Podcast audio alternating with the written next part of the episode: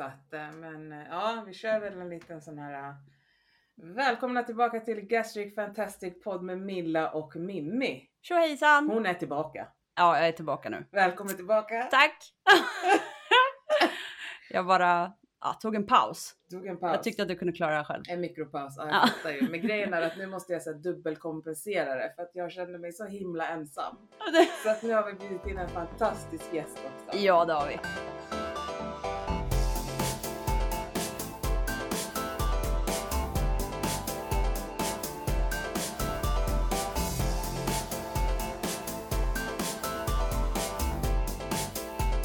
Här bruden är så jävla ball alltså. Ja, jag tycker det också. Ja, ja. Och jag ser hon sitter med sina curls och jag är så jävla avundsjuk. Ja, men du kan ju ha såna curls också. Ja, men hennes curls är på en annan level alltså.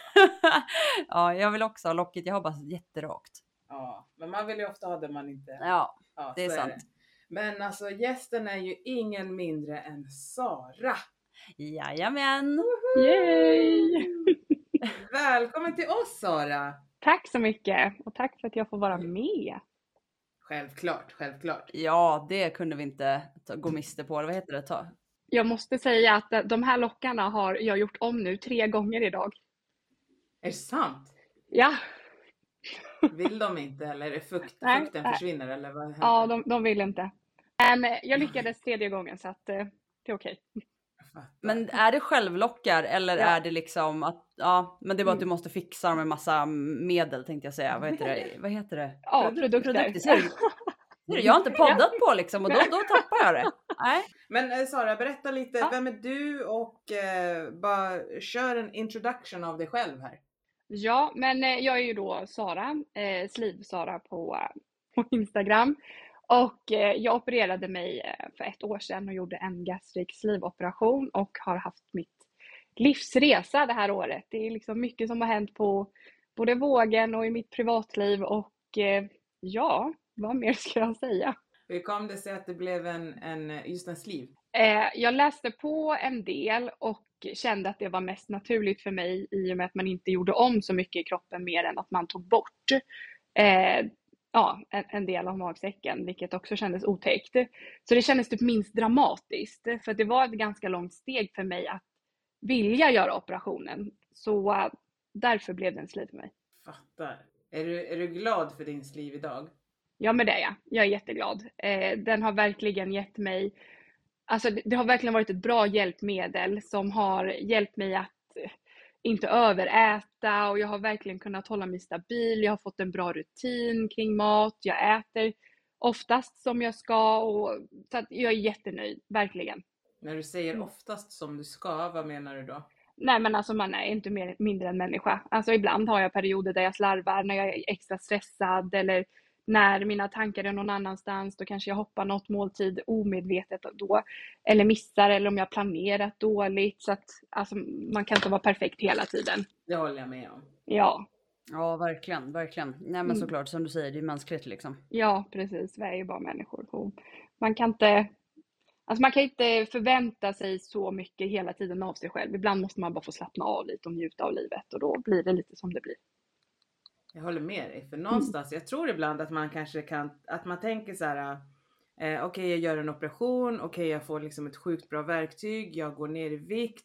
Och sen är det som att man lägger på sig så här 150 000 ton av berg. Ja. Att så här, jag får aldrig någonsin göra ett misstag. Ja men snälla. Mm. Det är klart att man får göra det. Ja men precis. Eller att man typ börjar bygga upp någon, någon typ konstig ångest kring liksom, när man missköter sig. Och det är såhär nej, alltså vi människor vi måste få leva, vi måste få gå efter våra instinkter ibland och det vi känner att vi är sugna på. Vi kan inte vara perfekta hela tiden. Så att nej, tycker det är orimligt att ställa sådana krav på sig själv. Ja det är det verkligen. Och sen tänker jag också lite grann så här. Vad, vad var det vi sa precis? Att man, när man pratar om att så här, det är klart att man gör misstag. Alltså vad är det för misstag egentligen då? Det, där har vi ju att vi styr in på någonstans att eh, vi inte ser mat som mat bara, utan vi ser Exakt. mat i olika kategorier. Att det finns mat som är bra mat, där man aldrig kan göra fel med, och så har vi mat som är inte lika bra och då gör man ett misstag om man äter det. Precis. Så att någonstans är det egentligen bara så här. Var konsekvent med att jag väljer att äta det här Mm. oberoende och så behöver vi varken sätta det i fack 1 eller fack 2 liksom. Ja men lite också så här, vad är syftet med och så här, okej okay, jag äter någonting som jag kanske anser vara onyttigt, som är jäkligt gott oftast då. Men vad är meningen med det att äta det och njuta av det och sen ska jag sitta med ångest för att jag har ätit det? Alltså då har jag ätit i onödan. Så jag kan lika gärna njuta när jag väl har ätit det och sen släpper jag den ångesten och så går vi vidare med livet. Ja, alltså ångest tycker jag är intressant för ångest är ju rädsla för någonting som inte, har, som inte finns än. Mm. Och jag tänker då att om vi är kvar, för jag vet ibland att jag eh, kan bygga upp en ångest när jag vet att jag har ätit fast min kropp inte ville ha energi eller behövde ha energin. Och då är ju min rädsla att den här måltiden kommer göra att jag hamnar där jag var. Mm. Liksom. Och det är den ångesten som jag försöker tackla med att så här, du kommer inte komma dit igen. Shit, du kommer inte komma dit igen. Alltså att du väljer konsekvent att äta det här idag betyder inte att du kommer komma dit igen. För du är inte i samma situation någonstans i livet som du var när du var där. Nej men precis. Och jag tror att den, den oron och eh, kanske ångesten kommer liksom följa med hela tiden. Jag, jag tror den alltid ja. kommer vara där. Och då är det bara viktigt att man har redskap för, alltså för sig själv om hur man hanterar det och stoppar liksom det tankemönstret. Mm. Men den mm. oron kommer nog också alltid vara kvar. Alltså jag kan känna det ibland också, men sen är jag ganska snabb på att säga nej, eh, dit går vi inte, för där, det, det är ingen bra väg. Där har vi varit. Det gick inte bra, jag mådde inte bra i det. Och så får man liksom resonera med sig själv hela tiden. Uh, det är ju lite så där. Men släpper du det då direkt? Kan du liksom bara sådär knäppa med fingrarna typ och släppa det och gå vidare? Ja, jag är lite konstig där. Eh, det kan jag faktiskt göra. Lite konstig, jag tycker det är jättestarkt. Ja. Men jag har, jag har faktiskt en, en grej. För att jag, det här är, jag såg en video på Facebook för jättemånga år sedan. Och den här videon har liksom följt med mig eh, i väldigt många år. Så att varje gång det händer typ någonting jobbigt eller jag kanske gör någonting som, eller äter någonting som jag kanske mått lite dåligt av då, så tänker jag det här. Och det var liksom en man som sa till mig att eh, inte till mig, han sa på Facebook på den här videon, herregud. Alltså så personligt tog jag det här. Eh, han sa i alla fall typ så här, om har du ett problem? Och sen så var det typ en powerpoint så här, presentation, stod högst upp så här, har du ett problem? Och så fanns det yes och no. Och var det så här, nej, eller du har inget problem, nej okej, så varför oroar du dig? Och sen var det så här, har du ett problem? Ja. Okej, kan du lösa problemet? Ja, så varför oroar du dig? Eller nej, det går inte att lösa det, så varför oroar du dig? Det kommer ju lösa sig eller så löser det sig inte och vi kan inte styra eller göra så mycket åt det. Så att varför oroa sig? Och det här har jag liksom anammat och lagt till i så många olika situationer. Och det gör att jag säger nej, släpper vi det. Tänker inte oroa mig för det här. Det, det löser sig. Eller så bara, det är kört. Och det är så det är. Får bara acceptera det. Nice. Gud vilken bra inställning. Jag, behö jag behöver det där i mitt liv. ja. Och det är liksom det jag tänker, alltså det är hela tiden och jag resonerar med det här och det här är alltså flera år sedan som jag såg den här videon och det sitter fortfarande kvar i mitt huvud. Jättebra. Men jag tänkte så här, Sara, du, du valde att göra en slivoperation. Um, hur var det en lång resa dit liksom? Eller har du tänkt på det här kort och snabbt och sen hände det? Eller liksom vad fick dig att, att göra det liksom? Det var en lång resa dit. Mm. Eh, jag var tyvärr en av de som hade väldigt mycket fördomar om de här operationerna, och eh, det här redskapet då, för att jag helt enkelt visste inte. Alltså jag, jag hade ingen aning. Man hade hört lite här och där från någon som hade gjort och sen hade den gått upp i vikt och sen så någon som hade typ blivit eh, jättedålig och gått bort. Det var typ det jag hade hört. Så att, och, och sen visste inte jag så mycket mer. Men jag, som jag har pratat innan på mina sociala medier och lite så, så hade jag ju hetsätning och led av det i många år.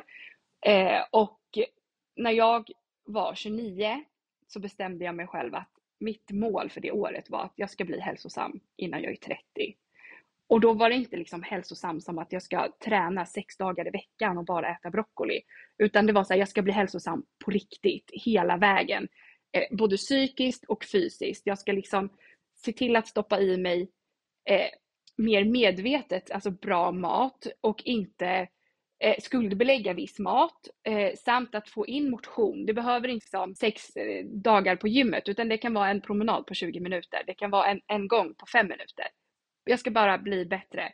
Och eh, sen började jag läsa på lite böcker och började lära mig om kroppen och sen vart jag så här, men vänta nu här. Jag kanske behöver ett hjälpmedel. Och så började jag läsa på om de här operationerna, jag började följa folk på Instagram och ändrade min uppfattning helt och hållet. Det här var ju inte alls någonting som jag hade någon aning om. Och sen då så ansökte jag först eh, via landstinget om att få göra sån operation. Eh, och eh, jag fick tillbaka min ansökan, kommer jag ihåg, för jag skickade en sån egen remiss, men jag hade skickat den fel.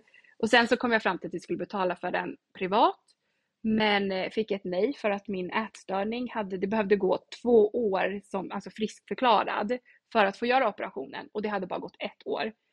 Eh, inte ens ett år till och med. Men jag fick ett nej och jag kommer ihåg att jag var så ledsen. Och sen så satte jag det på hyllan. Och sen kände jag så här, men Sara du har bara ringt till en klinik. Det finns ju fler, varför har du bara ringt en? Och så ringde jag eh, vidare och till slut så fick jag träffa en läkare som ändå bedömde att jag var stabil nog för att få göra operationen.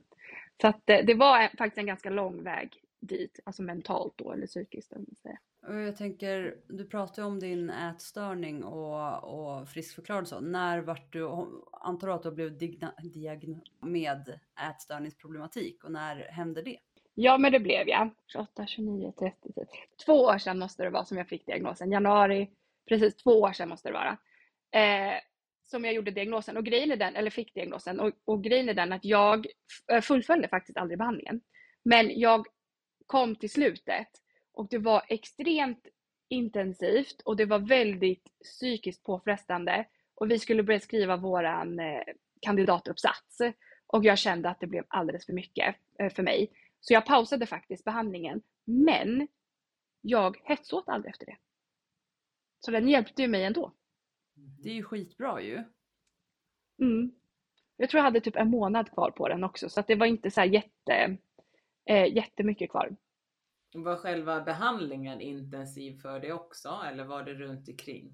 Nej, det var behandlingen. Det var mycket, för det första det här att man skulle, jag skulle registrera allting som jag åt. Eh, vil, vilken tid, eh, vart jag var någonstans, vad jag åt och mina känslor som jag hade efter den här måltiden. Och där var det så här, okej, okay, nu ska jag bjuda in någon till, till mitt privata. Där jag eh, alltså det här med hetsätningen gjorde jag ju alltid själv. Det var ingen annan som såg det. Det var ingen som visste det. Eh, så jag gjorde ju det här själv i, i, i det dolda. Liksom. Det var ju skamset. Tänk om någon fick se det här. Liksom. Och nu ska jag bjuda in någon främmande människa till, till mitt beteende som jag skäms så mycket om. Och det var jättejobbigt. Så i början skrev jag inte ens ner allting som jag åt för att jag skämdes. Och till slut var jag så här, fast vänta här nu. Det här är hennes jobb. Hon är här för att hjälpa mig. Inte kommer hon sitta och döma mig för det jag, det jag faktiskt äter och den här, det här beteendet som jag har. Liksom, hon kommer inte döma mig för det här. Och då började jag faktiskt skriva ner det som jag åt på riktigt och det, det var jobbigt att se det. För att någonstans så förtränger man det lite grann. Eh, och, och, och då att se det på papper och se de här känslorna och se liksom vad man gör till sig själv. Eller man kanske inte gör det till sig själv, det kanske är fel att säga, men, men ja, ni kanske förstår vad jag menar.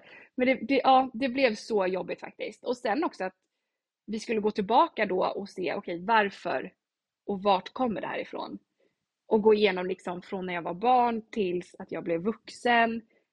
Eh, och bara gå igenom liksom alla trauman som hänt i livet. Och så här, ah, alltså det, det var påfrestande. Jättepåfrestande. Mm. Eh, och bara det ibland kunde göra att man ville hetsäta.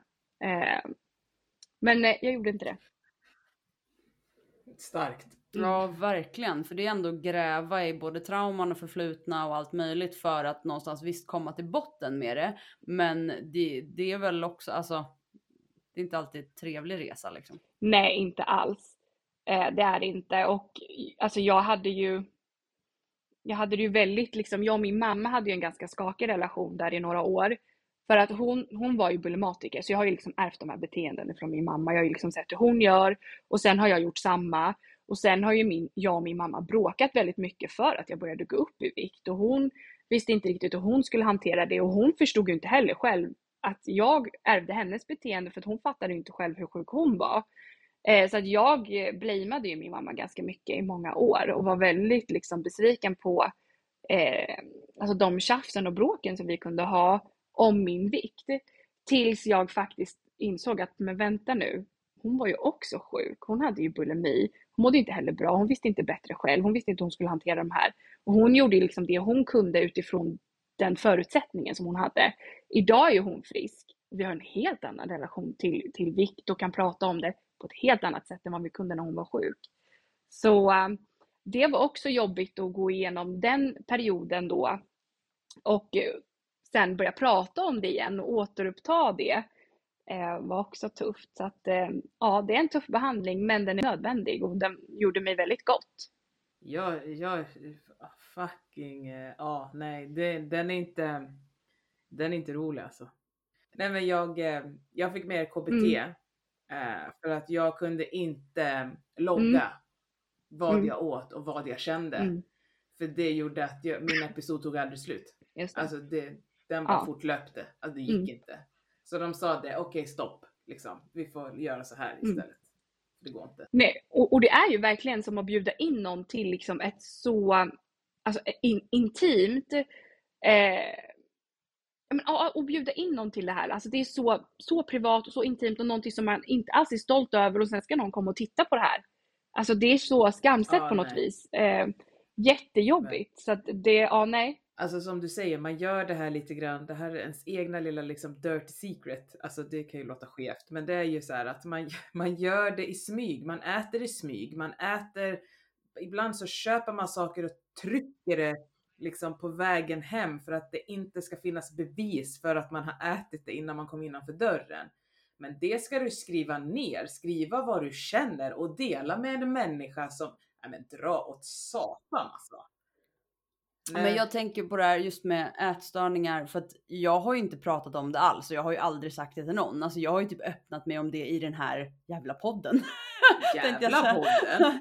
Nej men till det. så det har ju typ varit min så här, behandling tänkte jag säga. För jag har ju typ aldrig någonstans pratat om ehm, att jag hetsäter eller att, alltså även om folk kanske har sett det eller liksom så här, men jag har ju aldrig nämnt det högt överhuvudtaget vilken problematik jag har. Jag nämnde det ju inte ens när jag alltså, sökte hjälp. Jag sa ingenting om det. Alltså du vet så här, jag åt för mycket, absolut, det syntes ju, men, men jag pratade ju inte om eh, liksom att jag åt mina känslor eller hur jag har växt upp och hur jag har ätit och hur, alltså nej, alltså det är ju sånt jag har liksom börjat ta itu med nu för att jag har någonstans vågat typ acceptera att det är så. Eh, innan har jag väl inte riktigt velat eh, fejsa det kanske så. Men jag, men jag tror också, jag tror också någonstans där, när man, när man är överviktig så har man ju, alltså samhället har ju en, en skev syn på en. Och någonstans då när man har den här ätstörningsproblematiken, så istället för att man ska förstå att det är liksom att man, man, är, man har en sjukdom, så är det istället att man bara säger gud de har så rätt, här sitter jag och bara stoppar i mig massa skit. Eh, och, och det är som att man då så här, samhällets ögon, alltså man, man tar åt sig dem någonstans och är så här, jo men, men det är sant, gud jag, jag gör det här. Jag bara proppar i mig, det, det är därför jag är så här. Istället för att man ser att okej, gud jag har hetsätning. Det är därför som, som jag kanske eventuellt har gått upp mycket i vikt eller vad det nu kan vara för anledning liksom. Inte bara det, alltså jag kan minnas så många gånger som när man har gått liksom ut och ska ha käkat på restaurang med polare oberoende. Så kan det varit de med såhär, äta en fet hamburgare med extra rökringar och 17 kilo ost. Och jag är såhär, jag kan ta en eh, köttbit och sallad. Nej, jag ska tänka på vad jag äter. Fuck off! Varför ska jag sitta med den känslan för att jag väger 35 kilo mer än de andra i sällskapet? Exakt. Vad fan har det med vad jag njuter av att göra liksom?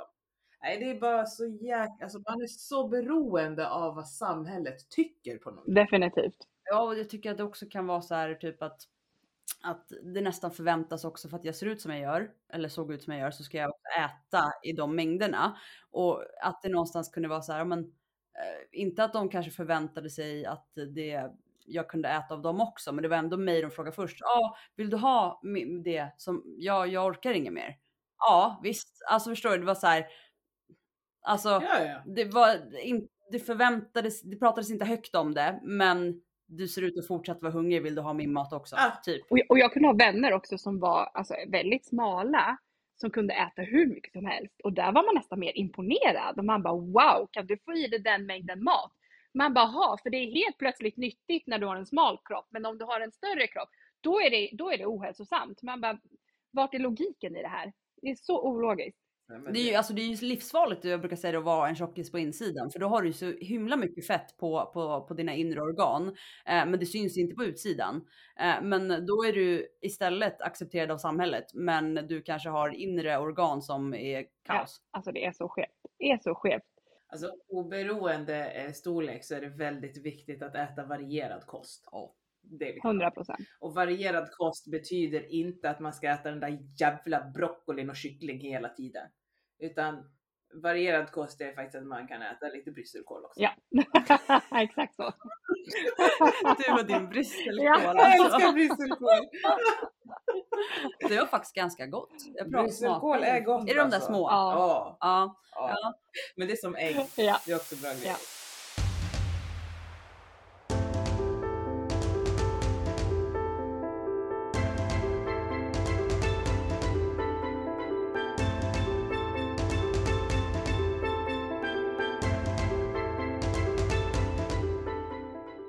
Men det som också var ganska skevt är att jag visste ju inte att jag hade hetsätning förrän jag var 28. Eh, mm, och det var just för att jag och min tjejkompis skrev en uppsats. Eh, vi skrev vår B-uppsats var det. Och eh, då skulle vi skriva om eh, skönhetsideal på typ hur, hur kvinnor framställs på tidningsmagasin och deras, på framsidan då. Och eh, så skulle vi komma in lite snabbt på ätstörningar och så började jag läsa och så kom jag in på hetsätning och jag bara, men vänta nu, det här är ju jag. Det här gör ju jag. Eh, och jag kände igen mig liksom med alla punkter, att jag liksom smygäter, att jag gömmer mat, att jag eh, bara får något så här, alltså, och bara så här, helt plötsligt är allt slut och jag har ätit upp det och jag fattar ingenting.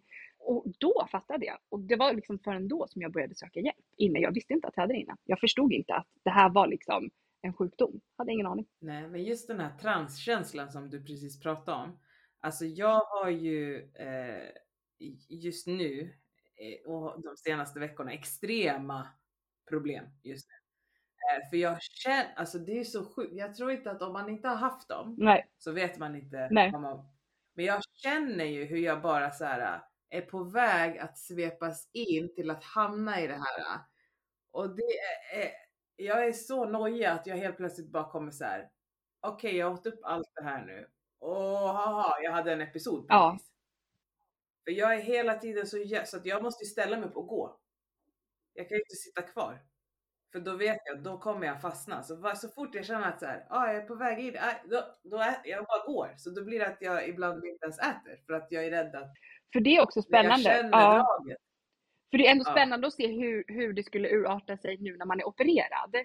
Eh, alltså, för jag har, jag har själv inte gjort det heller.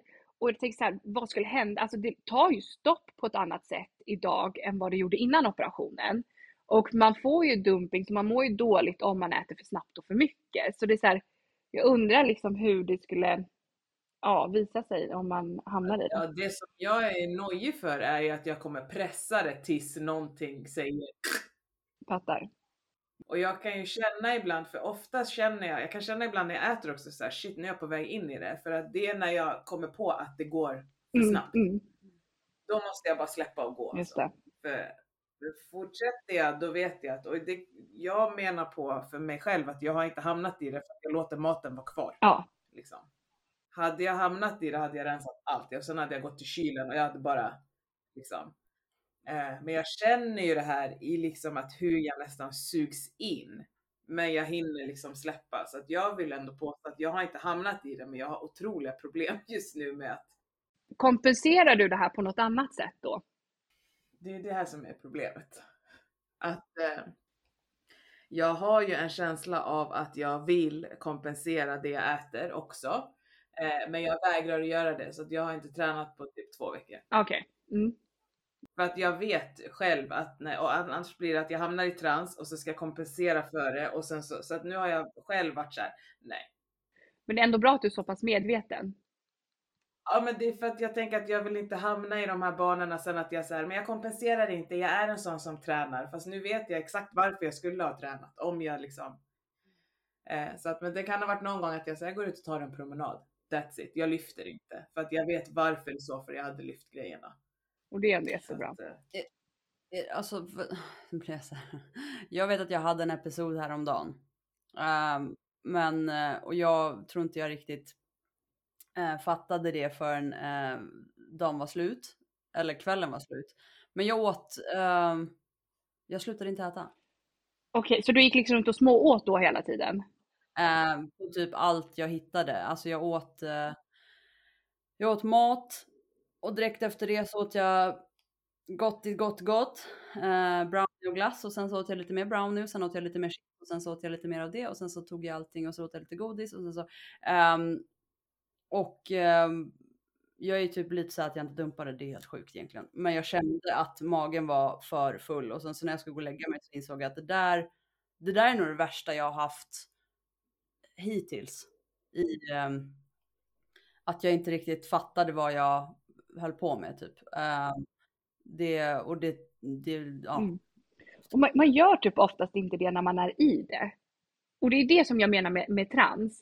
Att när man väl är där så liksom reflekterar man inte över att okej, okay, nu är det en hetsätningsepisod här.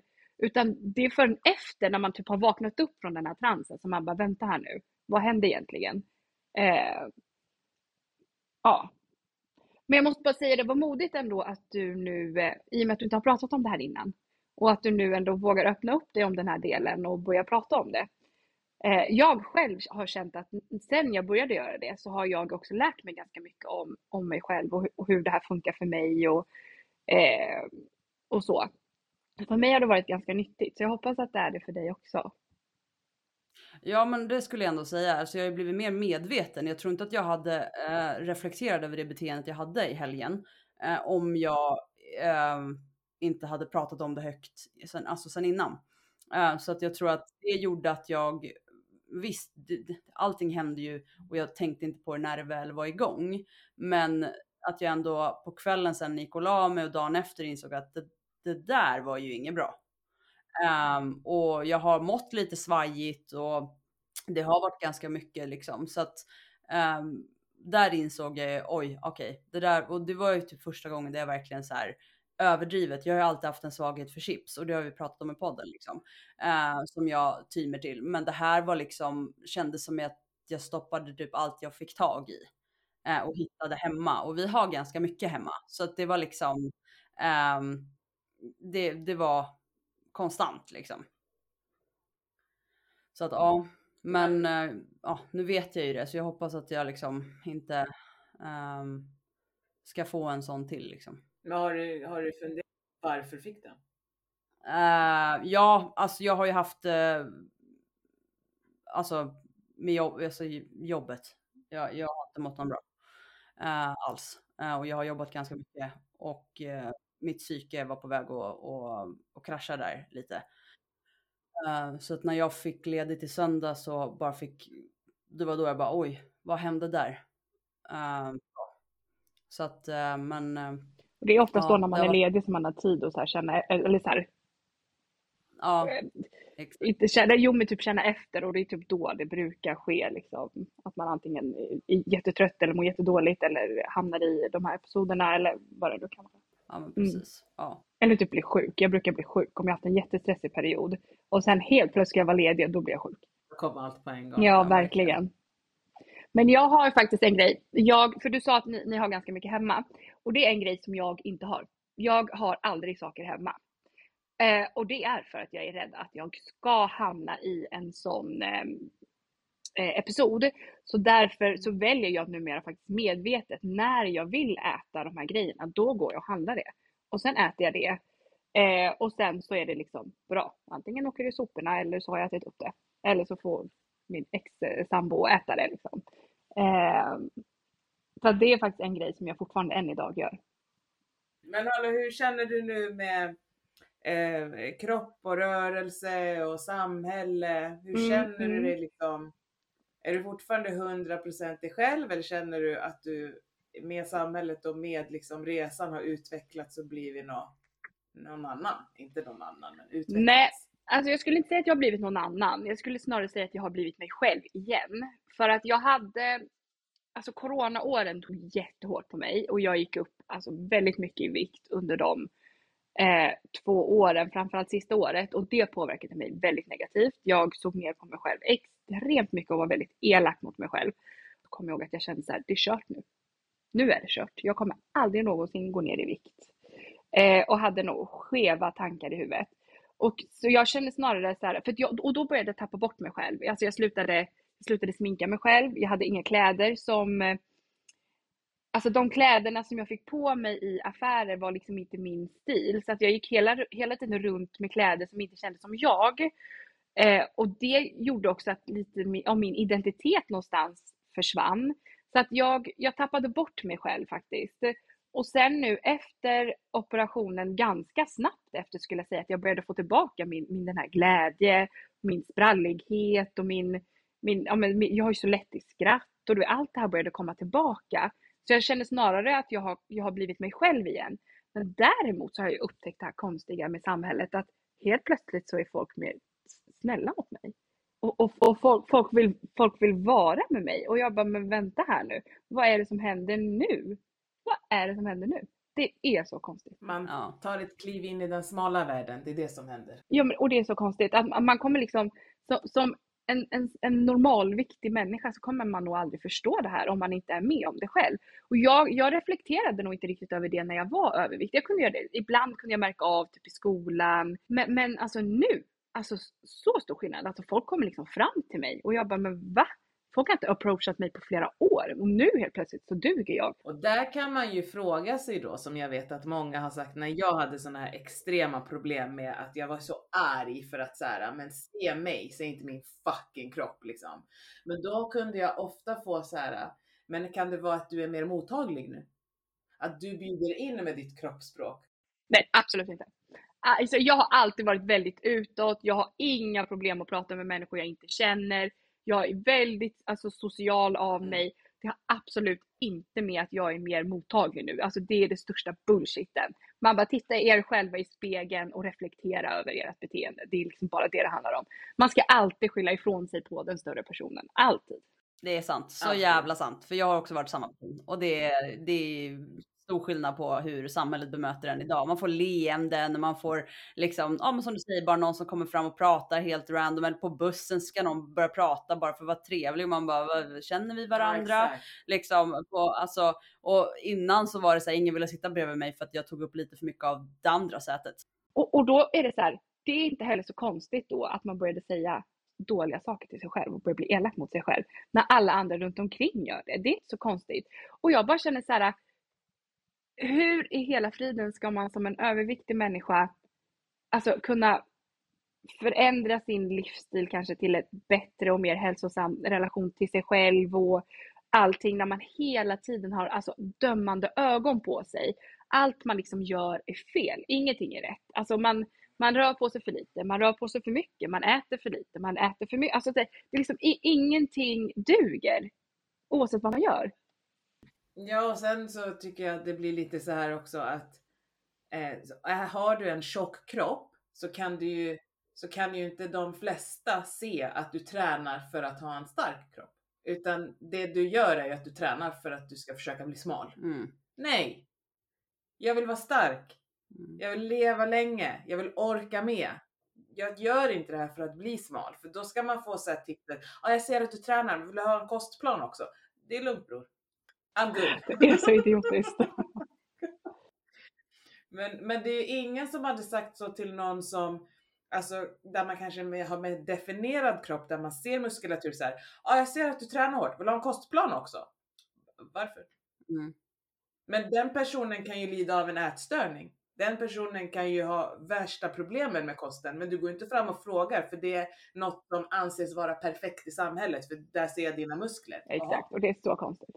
Men du vet ju inte om den personen stoppar fingrarna i halsen för att det ska vara så. Den personen kanske behöver mer hjälp än den, alltså. Och sen också det här konstiga som folk kommer fram till ännu och bara så här, men, men det är bra nu, du behöver inte gå ner mer nu.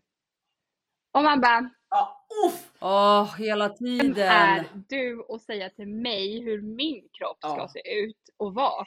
Det är väl för fasiken jag själv som bestämmer mm. hur min kropp ska se ut. Men alltså, är så konstigt. Är så konstigt. Ja, ja. Alltså, jag, Nej men de är så duktiga med att säga så här.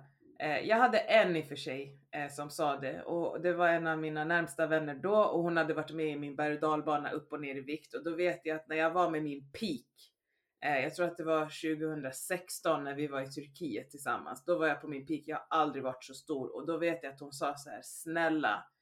Det handlar inte om liksom att du inte ska äta eller att du inte ska. Hon bara, men försök att se vart du är på väg för jag vill att du ska leva länge. Liksom. Eh, hon sa det för att det, det, har- du har aldrig varit här. Och jag vill liksom att du ska överleva. Alla andra har sagt så här, Nutrilett diet, har du testat det? Men hon Mm. var den enda som var såhär, jag vill att du ska leva. Kan Mm. försök att se vart du är på, liksom vad som händer. Men de andra Nej, skulle men det- och det är så mig. Och det, det är ju verkligen så det ska vara. Man ska verkligen, alltså så här, klart att man ska kunna säga till någon att hörru du, du måste tänka på din hälsa. Självklart. Och då gjorde hon ju också det på ett bra sätt. Men, men då är det också en människa som är din vän. Det är också skillnad. Det är också en person som du aktivt väljer att ha i ditt liv för att du, du bryr dig om den personen och den personen bryr sig om dig. Och då är det klart att man lyssnar och kan ta råd. Och att hon också sa det på så fi- alltså ett fint sätt och visade att hon ändå bryr sig om dig som människa. Och inte liksom att det är din vikt, det egentligen har ingenting med saken att göra utan din hälsa liksom. Det är ändå stor skillnad på det. Gud ja. Och det är därför jag tycker det är så skevt det här när du säger att så här, men folk är snälla. Men det är verkligen, alltså jag, det, den här smala världen. Mm. Den är jättekonstig att vara i när man aldrig har vetat. Jag har inte vetat att den har funnits. Nej, inte jag heller. Nej, nej. Och helt plötsligt är man en del av den och jag är såhär, what the fuck? Nej men det är så konstigt. Alltså det är, ja. När folk är såhär, jaha, vadå, har du ont i knät? Ska vi ta en undersökning? Ey, va? Ska du inte prata om vad jag ska äta istället? Ja, exakt. Ja. Ja, ja men det, det är ju verkligen så. Ja. Alltså, Vadå Eh, undersökning? ja. Gör ni sånt? Skickar ni inte bara hem folk och säger ät mi- mindre, rör på dig Mm. mer? Va? men så var det ju när jag hade, jag har ju astma. Uh, och jag ville göra en utredning på den och det var ju mycket den här, så här i början var det så ja ah, men du kanske går ner lite i vikt, du vet det är påfrestande med astman och så. Ja, okej. Men sen så när jag hade min episod av att jag faktiskt gick ner i vikt uh, ganska mycket. uh, när jag hade en sån här jojo-bantning där jag var nere. Eh, då, då utredde de ju min astma och var så här, ja nej men och du är ändå hyfsat vältränad och sådär så det borde inte man bara Nej men alltså jag har ju astma. Det är inte så att jag liksom har hittat på den av mig själv. Och sen är det så här, nu upplever du de problemen när du är överviktig. Ska det spela någon roll? Du har fortfarande de problemen, de kvarstår. Du måste fortfarande få hjälp mot andningen. Alltså, så att det spelar liksom ingen roll om det skulle vara på grund av övervikt eller inte. Alltså problematiken kvarstår. Man behöver fortfarande hjälp mot den. Men jag har haft turen där, för jag har ju också astma. Men det är liksom, min läkare har aldrig till mig sagt i mitt ansikte att du kanske behöver gå ner lite i vikt. Däremot har hon skrivit det på min alltså anteckningar. Så här, är överviktig, kanske behöver liksom se över vikten. Men hon, hon sa det aldrig till mig. Ja, Får jag Mm. fråga dig då? Gjorde hon, vägde hon dig? eh, ja det gjorde hon kanske faktiskt. Okej, ja. För jag tänker annars är det fucked up.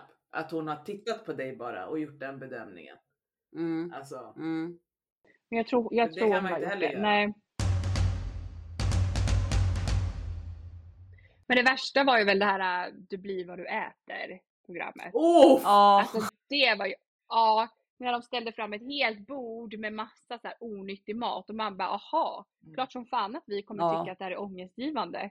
Eller så här att man kommer Mm. skuldbelägga all den här Mm. maten som är här. Alltså jätte, Jag kommer ja. aldrig Nej. glömma avsnittet med Anna Bok i det. För mm. då var det där, var- jag vet inte om ni såg Nej, det? eller jag vet inte om jag kommer ihåg. Nej. Nej men vanligtvis så var det att de hällde upp pommes och sen hällde de på kolan. Du vet, så här. Anna Bok det var typ eh, 12 tallrikar upplagt så här. Och hon den här, eh, hon som hade programmet var så här, men gud du äter ju inte så mycket. Anna bara, nej. Så vad, vad är det jag är när jag äter det här? ja. ja. Alltså, Så bra! och då var det ju, ja men hon var ju sjuk, hon hade ju Ja. Liksom. Anna hon har ju gjort en gastric bypass. Så det är så här, du är inte alls vad du äter, sätt dig ner. Har hon Oj. gjort den? Ja, ja. Ja shit, det visste Hon inte var ju jag. med i uh, Biggest Bygg- ja men det vet jag. Loser-stjärnorna. Ja. Och efter det gjorde hon en gastric bypass. Hon gjorde, ja, okej det hade jag ingen aning Jag visste att hon var Mm. med där men jag, ja, och jag, liksom, Jaha, men jag hade ingen hon aning om att hon hade gjort en operation. Ja ja, Mm. good for her. Ja, ja. Ja, Men det är inte alla som går ut med att de har gjort det. Nej, nej. det är det ju tyvärr inte. Det är ju fortfarande som sagt skamset hos vissa. I och med att alltså, man får faktiskt ganska mycket fördomar ibland för att folk förstår inte riktigt vad operationerna går ut på. Jag brukar bara säga så här, Gastric Fantastic Podd, du kan ju haka på liksom. Ja, men alltså. Lär dig Ja. lite. Ja. Och sen, jag är också så här ibland så här, alltså om någon ska ifrågasätta vad jag har valt för behandling för en sjukdom, kronisk sjukdom som jag har haft. Jag är så här, men du kan sätta dig ner och så kan du rotera lite för I don't give a fuck. Jag har Ja. inte gjort det här för din åsikt, jag gjorde det för mig. And I'm good. Liksom. Men hade vi inte en lyssnare som hade sagt till en kille hon började dejta, du kan lyssna på Gastric Fantastic Podd och sen så kan vi, så kan vi Ja, prata om det det. sen. Jaha, vad bra! Det är ju jättebra. Ja men du vet för att Ja. man inte orkar. Nej, alltså du nej, vet, så lyssna på dem så och sen så, så kan vi komma tillbaka sen Mm. så kan vi. Så, grejen är det första man får sagt till sig oftast är så här. Aha, ja, du har gjort en sån. Ah, okej, ja, jag kände en som gjorde och gick upp allting. Ja, och alltså Mm. det är alltid någon som känner någon som har gått upp. Vem är den här som har gått upp allt? Jag, vet inte. Ja. Jag vet inte. Jag har Jag har, berättat, ett helt fucking community. Vem är det som har gått upp allt? ja. ja. Gått upp allt. Vart är de? Och gick upp lite till. Vart är de? Nej. Kom hit och Men prata alltså med oss. tror då. du inte att det är lite typ eh, 600 pound life eh, Dr. Now? För där är det ju några som har gjort operationer och sen gått upp till 270 kilo igen. Jag såg precis ett avsnitt. Så att, kan det inte vara det som typ så här etsar sig fast i folks hjärnor? Jag vet inte. Det kan, det kan vara så. Sen så här, vissa går absolut upp igen. Eh, och det, det är en, Men vissa, allt. Nej, inte allt. Det är vissa som har skrivit till mig och varit så här, jag har gått upp eh, alltså ganska mycket av det har gått ner. Och så mår de typ dåligt och så frågar de mig typ hur de ska göra och jag är så här. Ja, kontakta kliniken typ. För jag vet ja, inte. För jag, Mm. grejen är att det som jag tror att inte alla är medvetna om heller är att jag vet att sliven är ju det som de flesta gör idag. Ja, Den är mycket mildare. ja det är den. Mm. Den har Mm. inte alls samma restriktion. Den har inte alls liksom att man håller tillbaka på vikt på samma sätt. Så att med sliven, alltså inte för att vara den som är där, men du måste ha sån jävla, alltså du måste göra en livsstilsförändring och vara beredd på att jobba på ett helt annat sätt än med gastric. Helt annat. Och det betyder inte att vi med gastric inte kan gå upp i vikt, men det är en helt annan typ av restriktion med en gastric bypass. Mm. Så att eh, jag, jag menar, ja, och det finns det ju statistik på. Jag vet inte varför folk verkar så här förvånade. Bland annat så får man väl mer dumpings oftast av en bypass och det gör ju också att det blir lättare att hålla sig borta från det som man mår dåligt av medan en sleeve, det är inte ens alla som får dumpings av sleeve heller har jag förstått. det Nej, som. alltså sen så är det ju att med en gastric bypass så kopplar du om tarmarna så att du tar inte upp lika mycket näring. Men gastric sleeve så får du inte ner lika mycket mat, men den maten som väl kommer ner, så som jag har förstått det, så kan du fortfarande på ett sätt få upp Mm. näringen genom tarmen. Men du behöver sen vitaminer för att du inte får i dig lika mycket mat. Exakt. Men med gastric bypass, jag har ju förbikopplat den delen som plockar upp vissa viktiga näringsämnen. Liksom. Mm. Så att, men, eh, men, och sen så, det pratas ju om att dumping är en grej och sen slivade får foaming och cracks. Men det är ju deras variant av dumping. Mm.